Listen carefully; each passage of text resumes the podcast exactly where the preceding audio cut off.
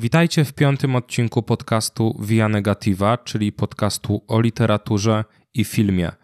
W tym odcinku pomówię o filmie, który swoją premierę miał w 2003 roku na festiwalu w Cannes, gdzie jury pod przewodnictwem francuskiego reżysera Patricia Cheroux okrzyknęło film antyludzkim. Mowa o filmie Dogville duńskiego reżysera Larsa von Trier'a, reżysera, którego zwykło nazywać się enfant terrible współczesnego kina, czyli łamaczem reguł, prowokatorem i manipulantem, któremu bliżej jest jednak, co postaram się pokazać, do badacza ludzkiej natury, do artysty, który wbrew pozorom i wbrew krytyce niektórych komentatorów wcale nie gardzi rodzajem ludzkim, ale jest nim głęboko zatroskany, który obnaża ludzkość z iluzji, którą ta obrosła przez wieki cywilizacji tak gęsto, że przestaje już odróżniać dobro od zła, znaczenie intencji od znaczenia akcji, która przestaje polegać na zasadach, które sama sobie narzuciła. Dogville to pierwsza część nieukończonej trylogii Trira pod nazwą USA Land of Opportunities, czyli USA kraina szans, kraina możliwości. W 2005 roku pojawiła się druga część, czyli Manderley, które dzieje się zaraz po wydarzeniach z Dogville w 1933 roku. Jest więc jego bezpośrednim sequelem i mierzy się z tą niezagojoną raną na ciele Ameryki, czyli z niewolnictwem, które mimo że całkowicie zniesione w 1865 roku, czyli w roku zakończenia wojny secesyjnej, ciągle jednak nielegalnie funkcjonowało. Niewolnicy w Manderley nie wiedzą o zniesieniu niewolnictwa i żyją tym samym niewolniczym życiem, co Grace, główna bohaterka filmu, która jest też główną bohaterką Dogville, usiłuje za wszelką cenę zmienić. Dogville jednak, jako pierwsza część tego niepełnego tryptyku, którego zwieńczenia być może się kiedyś doczekamy, jest filmem, wydaje mi się, bardziej uniwersalnym niż Manderley, to znaczy celującym w pewną usprawiedliwioną generalizację. Nakręcony w około 7 tygodni w szwedzkim Trollhättan w opuszczonym hangarze kolejowym, Dogville to opowieść o bardzo niewielkim tytułowym miasteczku, położonym u podnóża Rocky Mountains w północno-wschodniej części Colorado – Miasteczku, które narrator filmu, mówiący głosem Johna Hertza, porównuje do slumsów. I nie bez przyczyny, bo akcja filmu dzieje się w 1932 roku w trakcie wielkiego kryzysu gospodarczego w Stanach Zjednoczonych, czyli w czasie, kiedy wielu ludzi straciło pracę, a szanse na godne życie wśród niższych klas, takich jak właśnie klasa robotnicza, do której należy większość mieszkańców Dogville, znacznie się ograniczyły. Symbolizuje to na przykład zamknięta kopalnia srebra. Do takiego właśnie świata przychodzi jak gdyby znikąd główna bohaterka filmu, czyli Grace, grana w Dogville przez Nicole Kidman. Grace pragnie pozostać w Dogville, ale jako że szuka jej policja, mieszkańcy miasta nie chcą zdecydować się na jej przyjęcie bez pewnego rodzaju gwarancji, pewnego zadośćuczynienia. Protektorem Grace od początku staje się Tom, Thomas Edison Jr., grany przez Paula Betaniego, który spotyka ją jako pierwszy i odczytuje jej przybycie jako idealny zbieg okoliczności, bo Tom potrzebuje ilustracji. Uważa, że mieszkańcy Dogville mają problem z akceptacją drugiego człowieka i chce ich tego nauczyć właśnie poprzez jakiś namacalny przykład. Za namową Toma, Grace oferuje pomoc przy codziennych obowiązkach w Dogville i mieszkańcy ostatecznie pozwalają jej zostać, a z czasem nawet rośnie w nich sympatia do nieznajomej. Grace oferuje swoją pomoc wszystkim mieszkańcom miasteczka na zasadzie pracy, za którą dostaje niewielkie wynagrodzenie, ale kiedy tylko policjanci wieszają na miejskiej tablicy list gończy z jej podobizną i ofertą nagrody pieniężnej za jej znalezienie, Dogville zaczyna, jak podaje napis na tablicy oddzielającej rozdziały w filmie, pokazywać swoje zęby. Mieszkańcy zaczynają wykorzystywać Grace, zwiększając intensywność i czas jej pracy. Najpierw obniżają, a potem całkowicie odbierają jej pensję, co zrzucają na zbyt duże ryzyko związane z jej wątpliwą sytuacją. Ostatecznie jednak Grace staje się wykorzystywaną seksualnie niewolnicą, a jej bezgraniczne dobro wobec świata zostaje wystawione na próbę. Dogville to film bardzo konsekwentny, to znaczy konsekwentnie wiążący, dopasowujący formę do treści, choć na pierwszy rzut oka łamie reguły zupełnie niekonsekwentnie i zdaje się być dziwacznym filmowym oksymoronem – Zacznę od omówienia tej pierwszej warstwy filmu, czyli warstwy formalnej, a następnie przejdę do treści i postaram się pokazać, jak obie warstwy wpływają na siebie i są sobie wzajemne, to znaczy wzajemnie się wspierają i z siebie wynikają.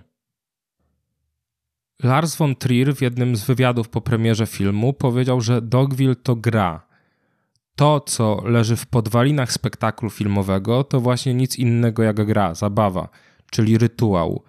Johann Huizinga w swoim Homo Ludens pisał, że zabawa jako właśnie iluzoryczny rytuał warunkuje i dominuje każdy element ludzkiego życia, każdą ludzką aktywność.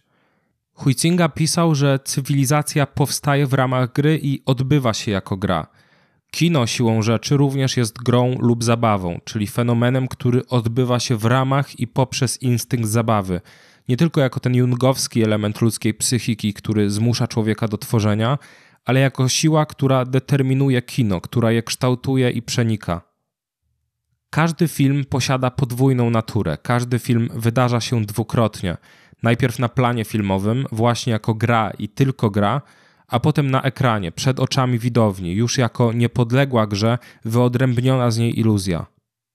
Huizinga definiuje grę jako wolną aktywność mieszczącą się całkiem świadomie poza zwykłym życiem, jako coś niepoważnego, co jednak intensywnie i zupełnie wchłania grającego w tę wyobrażoną rzeczywistość. Gra rozwija się wewnątrz swych własnych ram czasu i przestrzeni, zgodnie z umówionymi regułami i w uporządkowany sposób.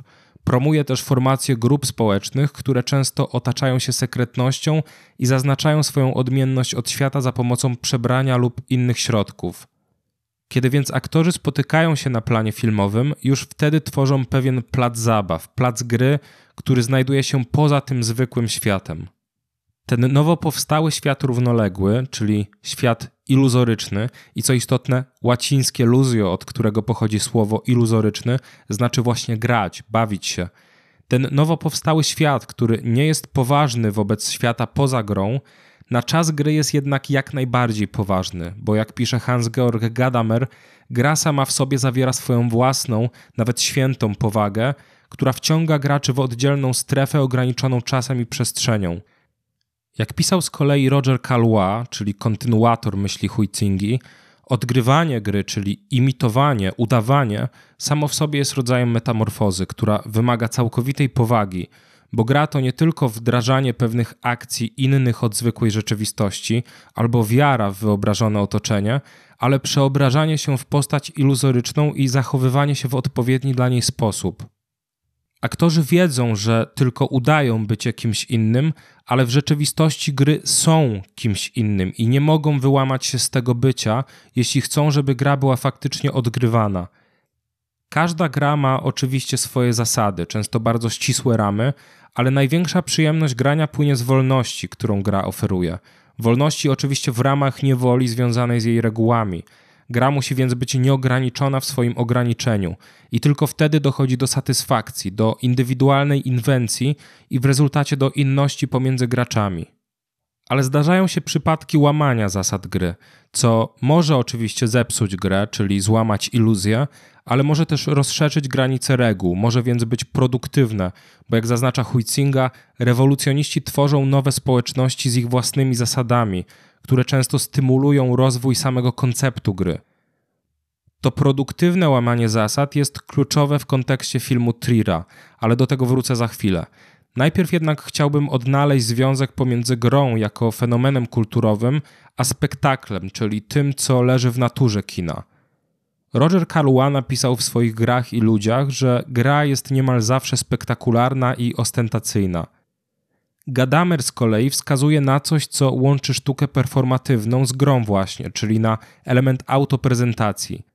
Każda gra według Gadamera prezentuje człowieka, który odgrywa ją w jakimś konkretnym celu i każdy z tych celów odegrany w sposób udany przedstawia ową grę, bo każda gra koniec końców ograniczona jest do przedstawienia, do ukazania jej, tej iluzji, jaką jest.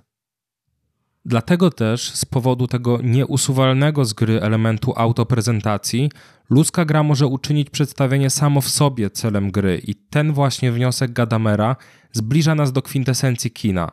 Bo kino istnieje po to, żeby ukazywać obrazy i jak pisał francuski malarz Fernand Leger, kino nie powinno szukać powodu do swojego istnienia nigdzie indziej, jak tylko właśnie w umiejętności pokazywania, czyli przedstawiania obrazów.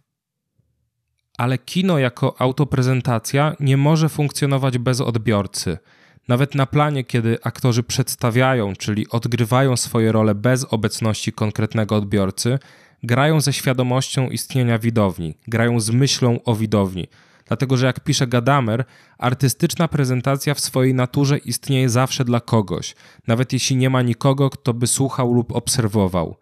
Dlatego kino, które tworzone jest z myślą o widzu, z natury jest spektakularną grą odgrywaną po to, żeby ją oglądać i podziwiać, bo spektakl to nic innego jak przedstawienie, jak pokaz, a kino, jak już wcześniej zaznaczyłem, przede wszystkim pokazuje. Dlaczego o tym wszystkim mówię i co to wszystko ma wspólnego z Dogville? Otóż Dogville to film, który niejako przeczy naturze kina, przeczy kinu jako temu, co używając terminologii Gadamera, przeobraża grę w strukturę. W Dogville Trier obnaża iluzję gry, czyli nie zakrywa jej całkowicie płaszczem iluzji, nie intensyfikuje jej, ale odkrywa kinowy spektakl i niemal redukuje kino do zwykłej gry.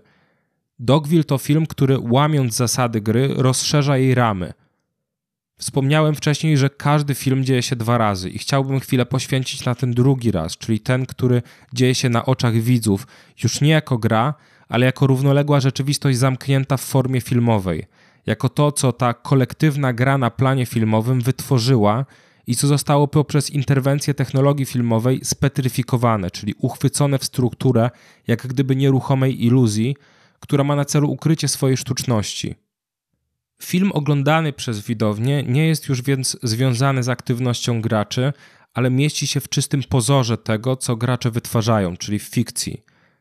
Jak pisze Gadamer, fikcja ta ma własne granice i mierzy się swoją własną miarą i niczym spoza tych granic.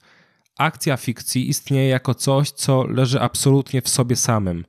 Nie uznaje już żadnych porównań z rzeczywistością jako miarą podobieństwa, niech będzie miarą realizmu – Fikcja unosi się więc ponad porównania i stąd jest zawsze ponad wątpliwościami, czy jest prawdziwa, dlatego że przemawia przez nią, jak zaznacza Gadamer, wyższa prawda.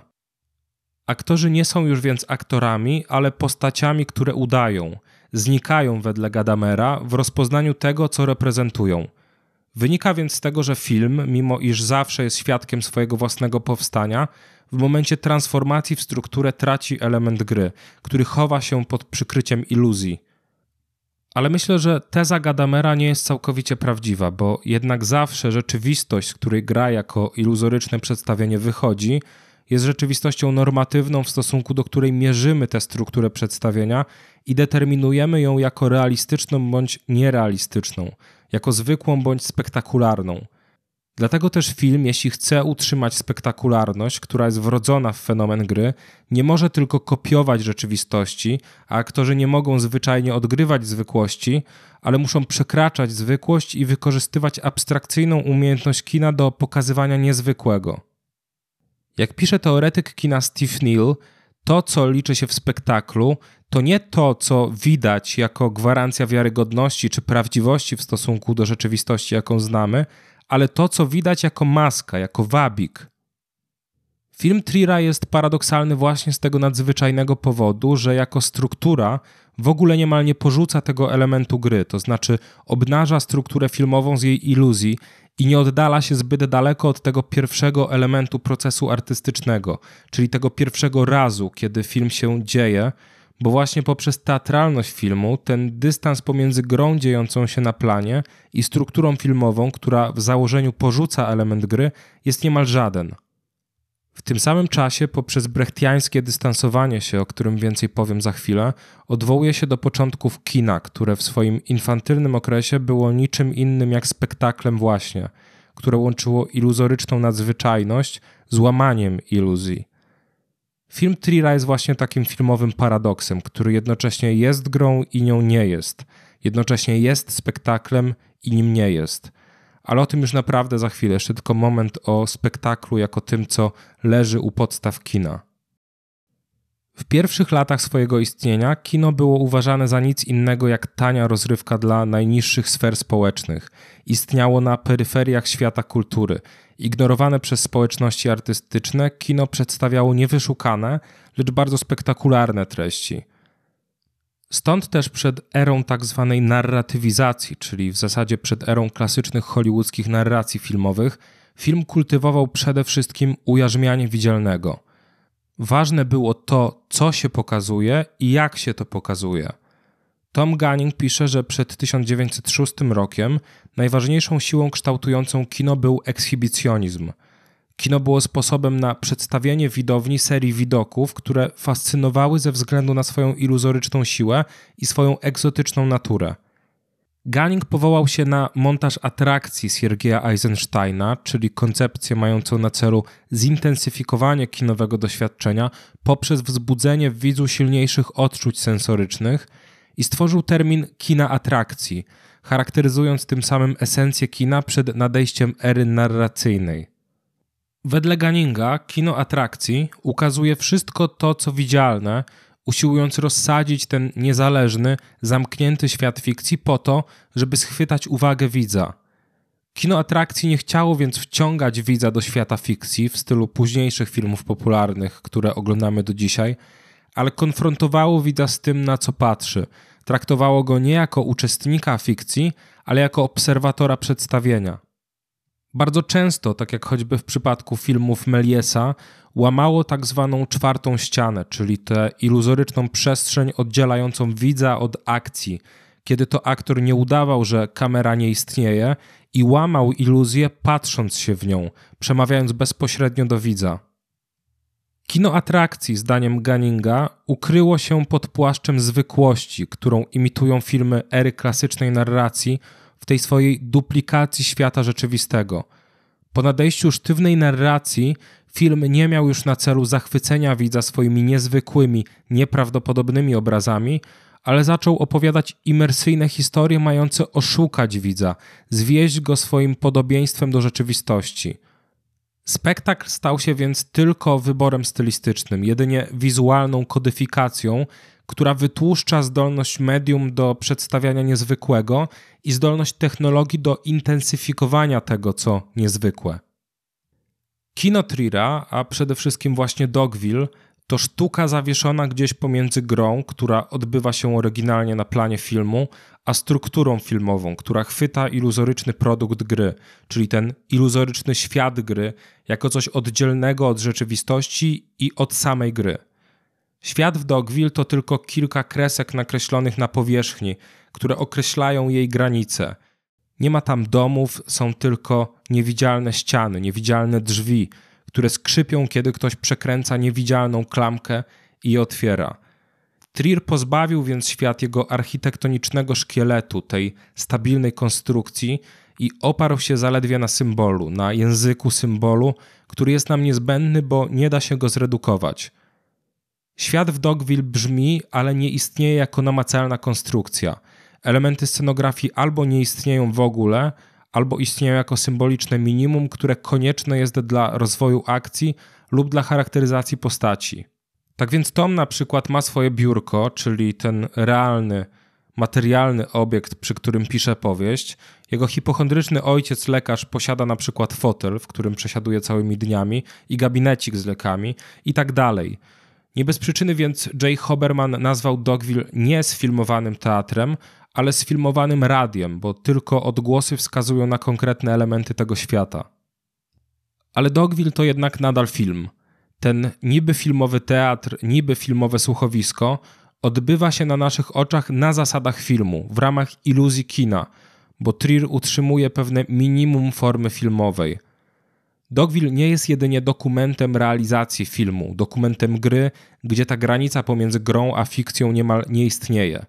To nadal fikcja stworzona przez reżysera filmowego, który świadomie nagina zasady filmowej iluzji. Jak więc udaje się Trierowi jednocześnie zaabsorbować widza na tyle, żeby wszedł w film i oddalić go na tyle, żeby patrzył na film oczami umysłu i go analizował, jednocześnie zaprosić go do przeżywania historii, ale na wzór wczesnego kina atrakcji wybudzać go z filmowej śpiączki. Najpierw trochę o tym pierwszym, czyli o emocjonalnym zaangażowaniu widza w film. Jak to jest, że wierzymy w tę grę, w którą gra z nami Trier? Dogville to filmowa powieść podzielona na dziewięć rozdziałów. Przez osiem z nich jesteśmy stopniowo wtajemniczani w świat Dogville i w losy mieszkańców miasteczka. Ale naszym przewodnikiem po świecie jest Grace, czyli główna bohaterka filmu, I to z perspektywy Grace podążamy za historią. To z Grace się identyfikujemy. Wchodzimy w historię również tak jak Grace znikąd, bez wcześniejszego przygotowania na to, co nas czeka. Grace jest tak samo bezbronna i przychylnie nastawiona do świata, w który wkracza, jak my, widzowie. Dlatego współodczuwanie jest w nas zaszczepione niemal od razu, od kiedy Grace pojawia się w filmie. Dodatkowo jej los jest niepewny. Nie wiemy, tak jak i ona, czy uda jej się zostać w Dogville, czy mieszkańcy ją zaakceptują. Dzielimy z nią więc subiektywny punkt widzenia, bo wiemy w zasadzie tyle co ona. Nawet jeśli film pokazuje nam więcej, kluczowe dla historii decyzje zapadają tak samo poza nami, jak i poza Grace. Dowiadujemy się więc o nich w tym samym czasie co ona. Tą techniką narracyjną Trier buduje w nas empatię wobec Grace i wobec jej cierpienia, bo przecież jesteśmy dobrymi ludźmi, którzy nie godzą się na zło. Oprócz technik narracyjnych, Trier jednak utrzymuje minimum iluzji filmowej, mimo że bardziej w stylu teatralnym. Choćby gra świateł buduje atmosferę i absorbuje naszą uwagę, uśmierzając poczucie obcowania z fikcją. Tak jak i elementy scenografii i kostiumy, które mimo że zredukowane do minimum, noszą ślady czasu i skutecznie, choć z dużym trudem, przenoszą nas w inną, oddaloną od nas rzeczywistość. Dodatkowo, co bardzo ważne, jak przyznał Trier, Dogville to gra, a więc jest to filmowa gra, która również przedstawia grę, a w iluzję gry, tak jak mówiłem wcześniej, bardzo łatwo wpaść. Po niedługim czasie patrzenia na ten dziwaczny świat Dogville, jakby to powiedział Brecht, wpadamy jak kamień w rzekę. Iluzja bierze nad nami kontrolę, ale jak świetnie zauważył Nikolaj Lybecker w swoim eseju z książki The New Extremism in Cinema from France to Europe, rzeka ta jest na tyle płytka, że wpadając w nią zaraz uderzamy o dno i to uderzenie nas skutecznie otrzeźwia. W swojej słynnej teorii Verfremdungseffekt, czyli w teatralnej teorii efektu alienacji, Bertolt Brecht sformułował zasady pewnego rodzaju samoświadomości dzieła, w którym aktorzy wiedzą, że grają i na wzór kina atrakcji nie udają, że widz lub w przypadku filmu kamera jako idea widza nie istnieją w fikcji, w której istnieją oni. Wręcz przeciwnie, widz ma dostrzegać tę samoświadomość gracza i zaskakiwać się tym właśnie łamaniem iluzji fikcji – Miało to na celu wyciągnięcie widza z emocjonalnego zaangażowania w akcję i sprowokowanie chłodnej analizy tego, co się na scenie wydarza. Trier oczywiście ani razu nie łamie czwartej ściany, na tym też zasadza się to minimum iluzji, bez której film nie miałby swojej wagi, ale używa innych technik alienacji, które zrodziły się właśnie z inspiracji teorią brechtiańskiego Verfremdungseffekt. Głównym elementem zaburzającym logikę narracji, którą znamy z większości filmów, jest zakwestionowanie przez Trira tzw. Tak montażu kontynuacyjnego, który stoi u podstaw iluzji, dlatego że sprawia wrażenie, jakby akcja działa się w tym samym miejscu i czasie – Przyzwyczailiśmy się już do tego montażowego rytmu w filmie, gdzie jedno ujęcie następuje po drugim w myśl jednakowej logiki montażowej. Tak silnie postrzeganie kina jako iluzorycznej fikcji weszło w nasz nawyk, że nie dostrzegamy tych mechanizmów. Tym, co leży w zasadzie u podstaw ciągłości sceny, jest tak zwane przeciwujęcie, czyli shot reverse shot. Technika, która zakłada, że podczas rozmów bohaterów kamera, oczywiście mogą to być dwie kamery, ustawiona jest po jednej stronie w stosunku do obojga i ujmuje ich na zasadzie ruchu po łuku o kącie 180 stopni. Stąd w większości filmów, które jednak stosują się do zasady 180 stopni, widzimy twarze bohaterów ujęte z tej samej strony, co sprawia wrażenie, jakbyśmy stali obok nich i raz spoglądali na jednego, a raz na drugiego.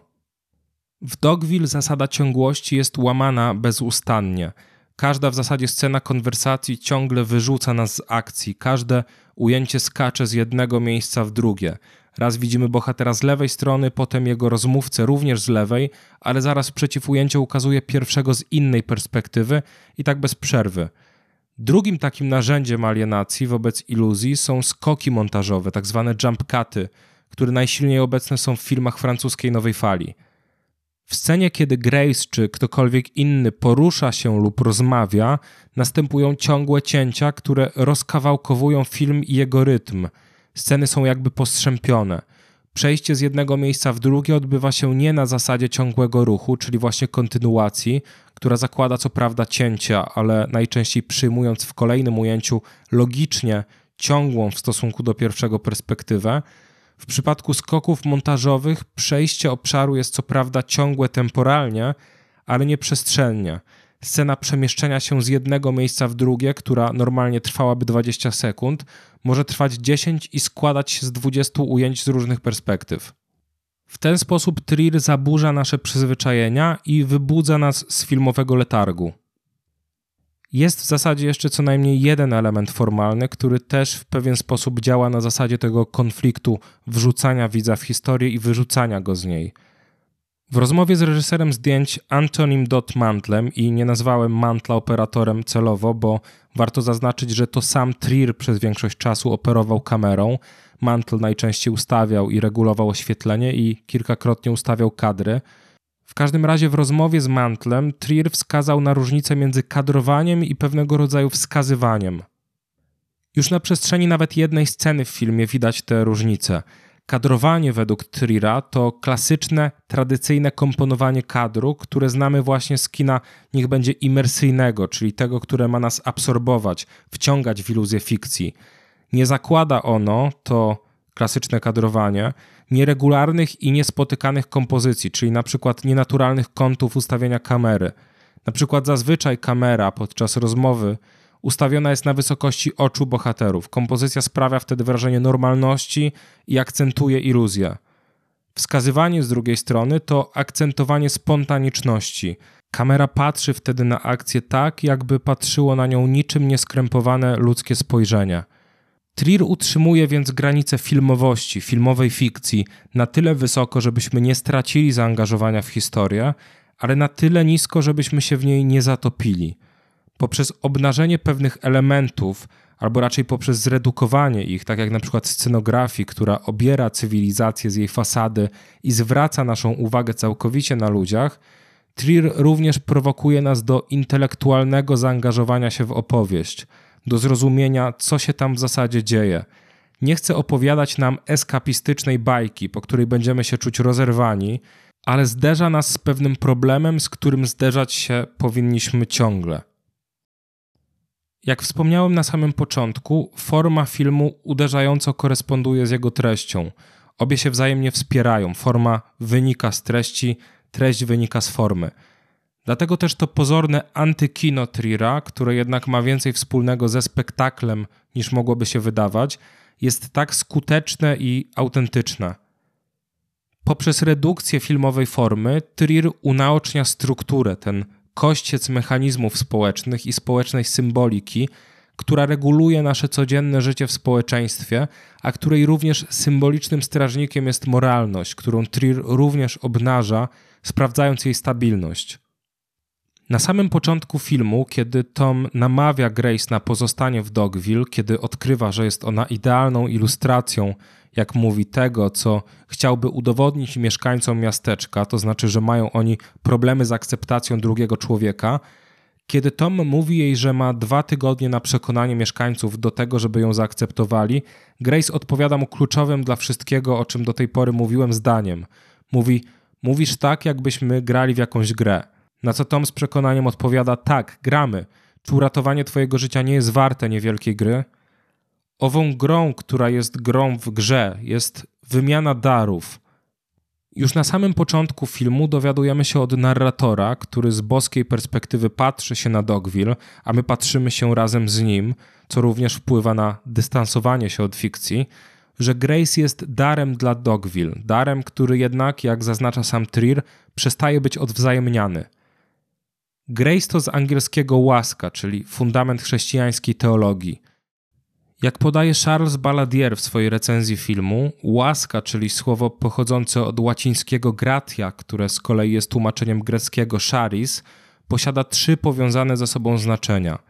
Pierwsze to abstrakcyjna przysługa, którą obdarowuje swojego poddanego jednostka wysokiej rangi społecznej – Drugie to świadkowanie takiej życzliwości przez tego, który jej doświadcza i jest za nią wdzięczny, ale jest to też rodzaj rozkoszy, poczucia satysfakcji, którego doświadcza obdarowujący łaską poprzez fakt, że wkupił się, wkradł się w łaski tego, który w pierwszej kolejności otrzymał od niego łaskę. Jak widać, łaska jest nierozłącznie związana z pewnego rodzaju umową społeczną. Symbolem łaski, który przechodzi z rąk do rąk i wikła łaskawcę i ułaskawionego w pewnego rodzaju węzeł współzależności, jest właśnie dar, coś co nazywamy podarunkiem lub po prostu prezentem. Mówi się zresztą, że łaska jest darem. Ułaskawić kogoś przecież to podarować mu możliwość życia. Grace jest właśnie takim podarunkiem, który otrzymuje Dogville. Darem, który przychodzi znikąd, jak gdyby był łaską zesłaną przez opatrzność do miejsca, które, jak wiemy, ma poważny problem z akceptacją. Problem, który za wszelką cenę usiłuje rozwiązać Tom, czyli ten domorosły pisarz, filozof, idealista, który wierzy w racjonalność umysłu i traktuje przybycie Grace jako ilustrację, dzięki której cały naród stanie się lepszy. Dar jednak, jak pisze w swoim przełomowym eseju z 1925 roku, czyli w szkicu o darze Marcel Mauss, nie istnieje bez implikacji zadośćuczynienia, bez tego niewypowiedzianego oczekiwania zwrotu daru, odwzajemnienia się. To bardzo znamienne, bo przecież dobrze wiemy, że sami dostając upominek, nawet niechciany, nieoczekiwany, często nawet niepożądany, Czujemy się natychmiast zobowiązani, najczęściej kiedy dostajemy go od kogoś bliskiego, niekoniecznie lubianego, ale kiedy na przykład wypada się odwdzięczyć. Otrzymawszy więc podarunek, wikłamy się w kontrakt, który wymaga od nas działania.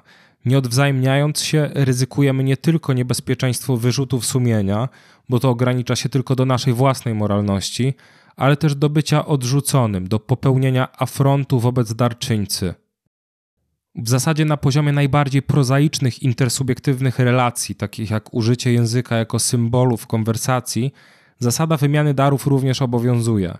I jak pisze Jacques Lacan, reguluje porządek symboliczny, można powiedzieć, ratuje go, pozwala mu funkcjonować, a więc pozwala nam funkcjonować dlatego że podczas rozmowy również wymieniamy się darami. Każde pytanie, każde zagadnięcie jest pewnego rodzaju podarunkiem. Czujemy się zobligowani do odpowiedzi na pytanie z racji uprzejmości. Jeśli tego nie zrobimy, możemy wystawić się na nieuprzejmość drugiej osoby. Nieodwzajemnienie więc symbolicznego podarunku może zostać odebrane jako zniewaga. I tak jak gra czy zabawa przenika wszystkie elementy cywilizacji, tak dynamika wymiany darów wpisana jest nie tylko w relacje intersubiektywne, ale w każdy rodzaj instytucji, w instytucje religijne, sądownicze, moralne, ekonomiczne itd. Tak w tej dynamice wymiany darów, w tej grze, w którą grają nie tylko bohaterowie filmu Trira, ale też my wszyscy każdego dnia, Trier to zwyczajnie odkrywa właśnie poprzez minimalistyczną formę filmową, Kluczowym jest właśnie zatrzymanie tej dynamiki, przerwanie gry przez mieszkańców Dogville, złamanie zasad gry, które być może jest rewolucyjne, ale raczej mieści się w ramach jej zniszczenia, a nie rozszerzenia. Grace zostaje przez mieszkańców przyjęta, co organizuje Tom, czyli Thomas Edison Jr., wypada przypomnieć, czyli synonim człowieka wynalazcy, eksperymentatora, który z jednej strony jest być może alter ego filmowca, manipulanta Larsa von Trier'a, z drugiej być może ironizacją, bo Edison przyczynił się do cywilizacyjnego postępu, czego zupełnie nie robi Tom, ale usiłuje to zrobić, a z trzeciej może nawiązaniem do ciemnej strony wynalazcy, który podbierał patenty od innych i traktował jak swoje, czyli pod przykryciem woli postępu niemoralnie kradł od innych. Grace zostaje zaakceptowana w dużej mierze dlatego, że mieszkańcy Dogville przewidują osobiste korzyści z jej obecności. Lis na przykład, grana przez Chloe Sevigny, sama przyznaje, że robi to z pobudek zupełnie egoistycznych, bo nie będzie już jedyną, na której ciało ciągle gapić się będzie Tom. Zaznaczmy człowiek samotny, być może nawet zupełnie niedoświadczony w relacjach z kobietami – Mieszkańcy Dogville jednak nie odwzajemniają daru Grace. Kiedy w miasteczku pojawia się policja i zawiesza na tablicy list gończy z wizerunkiem nieznajomej i nagrodą za wskazanie miejsca jej pobytu, mieszkańcy zwiększają czas jej pracy i zmniejszają jej wynagrodzenie, a niedługo później oczekują ciągle więcej i więcej, aż do cielesnej gratyfikacji, kiedy to wszyscy niemal mężczyźni dowolnie korzystają z jej ciała. Trier powiedział o darze, jakim jest Grace, że jeśli podarowujesz siebie jako prezent dla innych, jest to zawsze niebezpieczny dar. Władza, jaką daje się ludziom nad jednostką, ich psuje.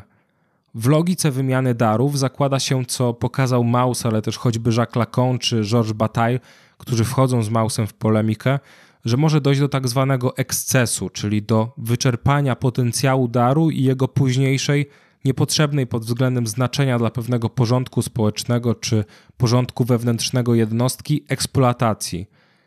Grace jest na tę eksploatację podatna, bo oddaje się tak zwanej kenozie, czyli Chrystusowemu wyrzeczeniu się siebie jako podmiotu, całkowitemu masochistycznemu oddaniu się woli boskiej, opróżnieniu się z siebie.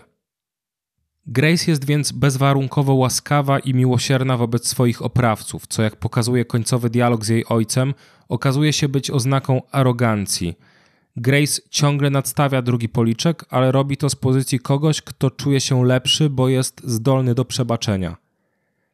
Lacan zaznaczył, że poprzez przekazywanie darów formują się hierarchie społeczne – Pomimo, że film sugeruje, jakoby to Dogville jako pierwsze podarowało Grace możliwość pozostania w miasteczku, od początku jasnym jest, że to ona jest tym pierwotnym darem, który ustanawia hierarchię i tym samym stawia Grace jako tę najbardziej arogancką, jako tę, która zaszczepia w nas oczekiwanie zadośćuczynienia, właśnie poprzez swoją kenozę. Ostatecznie Maus definiuje wymianę darów jako usługę agonistyczną, czyli związaną z rywalizacją, z walką – jeśli dar zostaje nieodwzajemniony, dochodzi często do niekontrolowanej przemocy, do katastrofy, czego przykładem są wojny, które szybko wymykają się spod kontroli. Grace doprowadza jednak do kontrolowanej przemocy, która przerywa impas w dynamice wymiany darów i pozwala na jej kontynuację, niezbędną do funkcjonowania społeczności. Jak pisał Lacan, paradoks dobra jako daru polega na tym, że dobro nie może rządzić nad wszystkim bez ujawniającego się ekscesu, nadwyżki, której konsekwencje są fatalne. Dlatego, że dobro, właśnie wedle logiki dynamiki wymiany darów, powinno być niszczone w sposób świadomy i kontrolowany. To znaczy, w momencie, kiedy dobro nie może dać już nic więcej, powinno być niszczone, powinno się go pozbyć. Kiedy staje się ekscesem, czyli nadwyżką, która nie jest już niezbędna, powinno się je wyeliminować. Dlatego kluczowym w tym względzie przykładem jest fenomen potlaczu, czyli ceremonii wymiany darów, w której plemiona często też niszczą dobra jako towary po to, żeby zachować intersubiektywne relacje w społeczności, czyli po prostu zdrowe relacje międzyludzkie. Według Lakana jest to analogiczne do pragnienia, którego nadwyżka również musi być zniszczona w sposób kontrolowany, bo brak owej kontroli doprowadza do niekontrolowanych katastrof. Nie jest więc być może przypadkiem, że ceremonia potlaczu praktykowana była przez natywnych Amerykanów właśnie w okolicach Rocky Mountains, gdzie dzieje się akcja filmu. Mieszkańcy Dogville, a przede wszystkim Tom, jednak mają problem z pozbyciem się nadwyżki dobra, którą w pewnym momencie staje się Grace. W pewnym momencie po wywieszeniu listu gończego Grace odradza Tomowi naleganie na mieszkańców Dogville, żeby pozwolili jej zostać. Grace nie chce po prostu odejść, bo przecież nie pojawiła się w Dogville po to, żeby porzucić swoją misję i uciec, ale daje im szansę na zachowanie tego, co już zdążyli uzbierać, czyli właśnie miłosierdzia wobec Grace i na pozbycie się jej, bo jest ona już tylko ekscesem i nie może dać im nic więcej. Daje im więc szansę na pożegnanie jej i odesłanie z powrotem. Tom jednak jest ciągle zaślepiony koniecznością ukazania mieszkańcom ich dobroci, udowodnienia im, że mają problem, który muszą naprawić, mimo że ich stosunki z Grace są już świetne i przekonała do siebie najbardziej sceptycznych. Tom ciągle jednak nalega, żeby została. Grace mówi, że uważa, że powinna już odejść, że już wystarczy. Nie, uważam zupełnie przeciwnie, mówi Tom, bo dla Toma nie istnieje coś takiego jak wystarczy. Po pierwsze, Grace, jak mówi narrator, pasuje do jego planu nawrócenia mieszkańców jak ulał, a dodatkowo nie jest usatysfakcjonowany z tylko częściowego, według niego, rozwiązania problemu miasteczka – bo to właśnie ta nieumiejętność zaakceptowania, wyczerpania się ilustracji jest arogancją Toma. Tom wypełniony jest jedną wielką sprzecznością, która sytuuje go w pozycji naiwnego idealisty, który z jednej strony odrzuca uczucie wobec zakochanej w nim Grace w imię swoich filozoficznych, niby racjonalnych przekonań, a z drugiej ciągle poddaje się popędowi seksualnemu, ciągle nagabuje Grace i oczekuje od niej uległości – jak napisał R.A. Longchin, używa etyki po to, aby usprawiedliwić swoje nieetyczne czyny. Może bracie to z tego, że dobro jest oczywiście względne, to znaczy wynika z subiektywnych intencji, ale gdy się je przekłada na akcję, czyli na świat obiektywny, świat intersubiektywny, często zyskuje zupełnie odmienną twarz. Tom na przykład ma przecież dobre intencje, to znaczy pragnie dobra dla swojej społeczności, być może pragnie dobra dla całego świata. Wikła się jednak w idealizm, który doprowadza do uchybień, które zaczynają dominować w jego działaniach. Nie dość, że miasteczko na czele z Tomem nie odwzajemnia daru, a dodatkowo ten ludzki dar w formie Grace zaczyna eksploatować do granic możliwości, jedyny, w którym Grace czuje oparcie i który jej to oparcie obiecuje, czyli Tom, dopuszcza się wobec niej najgorszego przestępstwa moralnego, czyli zdrady. Dochodzimy więc do ostatniej części filmu, do ostatniego rozdziału, w którym okazuje się, że Grace faktycznie była ilustracją. Taką ilustracją, która, jak mówi sam Tom na chwilę przed tym, jak Grace posyła pocisk w bok jego głowy, zupełnie przebiła jego ilustrację. Swoją drogą zwróćcie uwagę, że egzekucja Toma przez Grace bardzo przypomina słynną fotografię egzekucji Nguina Van Lema na ulicach Saigonu, która stała się symbolem publicznej debaty przeciwko wojnie w Wietnamie, którego historia jest jednak dużo bardziej skomplikowana. W każdym razie ilustracja Grace to koniec końców ilustracja Trira. Trier pisząc Dogville inspirował się nie tylko technikami dramaturgicznymi Bertolda Brechta, ale też jego tekstami, m.in. utworem Pirate Jenny, który Brecht napisał wspólnie z Kurtem Weilem do swojej opery za trzy grosze, czyli do słynnej, wystawianej również w Polsce sztuki antykapitalistycznej. W utworze Pirate Jenny tytułowa Jenny, czyli służka, zapowiada przypłynięcie statku pirackiego z czaszką na przedzie, który zrówna miasto z ziemią i nikt nie będzie już spał w łóżkach, które ścieli. Nikt więcej nie będzie jej wyzyskiwał. Zemsta w Dogville jest jednak nieco inna. Eksploatacja daru, jakim jest Grace, doprowadza do kontrolowanej przemocy. Co prawda, podobnie jak w utworze z opery za trzy grosze, przybywa Deus ex machina w postaci ojca gangstera, lecz do ostatniej chwili Grace kurczowo trzyma się tego chrześcijańskiego dogmatu przebaczenia, odpuszczenia za grzechy, bo przecież jak mówi, nie jest winą tych ludzi, że żyją w takich, a nie innych okolicznościach, że zostali w ten sposób uformowani. Ojciec Grace jednak udowadnia jej, że to nie jego bezwzględność jest arogancją, o którą ona go posądza, ale jej niezachwiana łaska, jej kenoza, bo pozwalając ludziom na ciągłe popełnianie przestępstw wobec siebie, Grace stawia się wyżej niż oni. Z drugiej strony można też założyć, że to Grace eksploatuje swoją czystość i miłosierdzie, czyli ten dar, który znowu ona dostała od losu, być może od Boga, dar bycia moralnie czystym, co doprowadza do perwersji tej chrześcijańskiej łaski, czyli do arogancji, która z kolei doprowadza do końcowej rzeźni. W przeciwieństwie do Chrystusa, który do samego końca wyrzekał się siebie dla woli boskiej i umarł za ludzkość, Grace mści się na swoich oprawcach. Kiedy Grace wychodzi z auta ojca i ostatni raz obserwuje miasteczko i mieszkańców, zastanawiając się nad ich losem, dochodzi do kolejnej zmiany światła w Dogville. Jak mówi narrator, tak jakby to poprzednie światło, tak łaskawe, zamieniło się na światło, które odkrywa prawdziwą twarz mieszkańców. Zupełnie inne niż ta burza świetlna, przy której Grace pojawia się w Dogville i okrywa światłem mieszkańców miasteczka.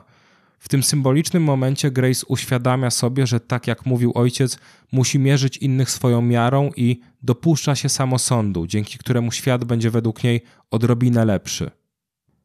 Warto, wydaje mi się, zastanowić się nad tym, dlaczego akurat Dogville, bo Dogville to nie tylko psie miasteczko, miasteczko o zwierzęcej naturze, ale także miasteczko dogmatu, który się ciągle wywraca – tak jak ironiczny napis na wejściu do kopalni dictum ac factum, czyli powiedziane, wykonane, mówisz i masz, dogmat to tylko fasada, pod którą kryje się zło.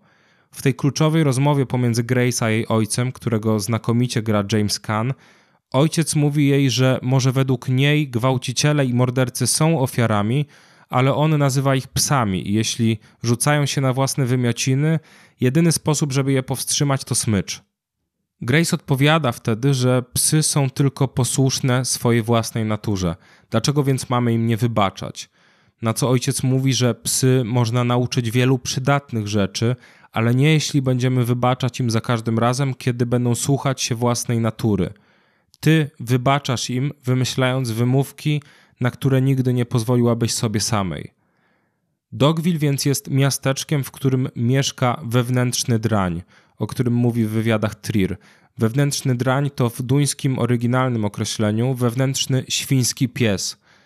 Jak podaje Nikolaj Lübecker, termin ten, który w angielskiej idiomatyce funkcjonuje właśnie jako wewnętrzny drań, to określenie, jakiego jako jeden z pierwszych użył niemiecki socjalista Kurt Schumacher w 1932 roku w debacie z Goebbelsem i wywołał tym niewielki skandal. Powiedział, że cała socjalistyczna propaganda ciągle kierowana jest do tego wewnętrznego drania w człowieku, do tej bestii.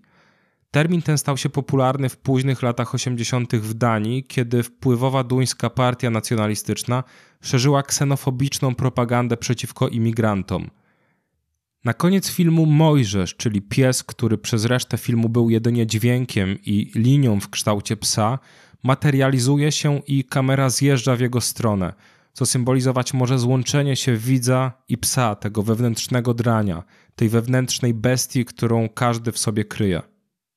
Mojżesz jest zresztą klamrą dla całej historii, bo zwróćcie uwagę, że na samym początku filmu, kiedy Grace pojawia się w Dogville, sięga po kość Mojżesza, co natychmiast zrównuje ją ze zwierzęciem, a raczej zaznacza istnienie jej zwierzęcej natury, tego właśnie wewnętrznego drania. Warto, wydaje mi się, zbliżając się już do końca, zaznaczyć, że film powstał w 2003 roku jako pierwsza część trylogii amerykańskiej Trira jest jednocześnie bardzo uniwersalny, ale też bardzo specyficzny, konkretnie wymierzony w Stany Zjednoczone.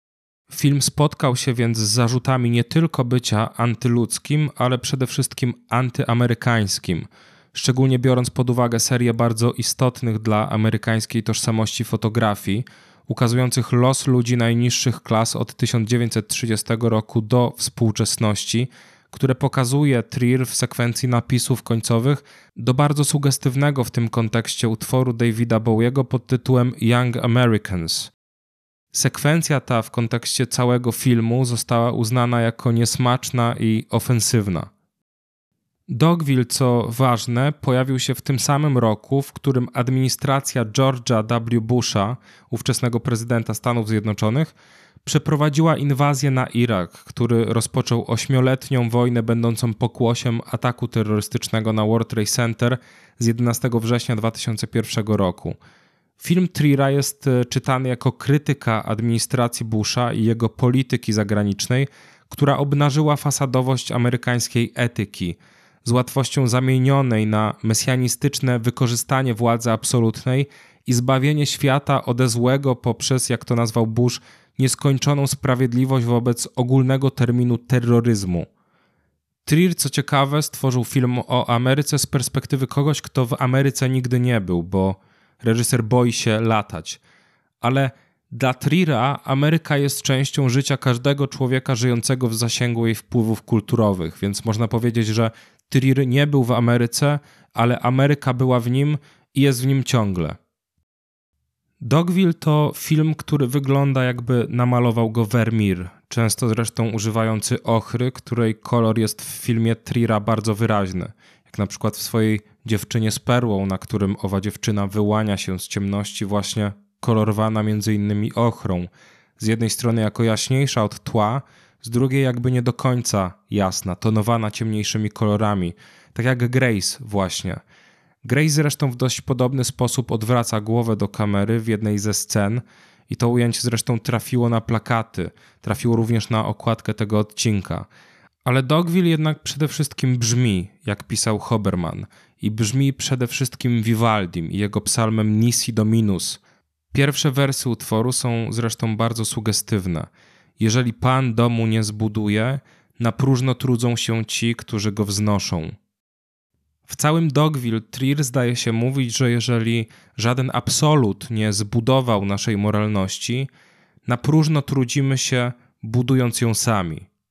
Nie bez przyczyny zresztą w filmie jedyne miejsce, gdzie Bóg mógłby być obecny, czyli ten kościół, ta świątynia, w której zbierają się mieszkańcy miasteczka, jest jednak bez Boga, jest opuszczony przez Boga.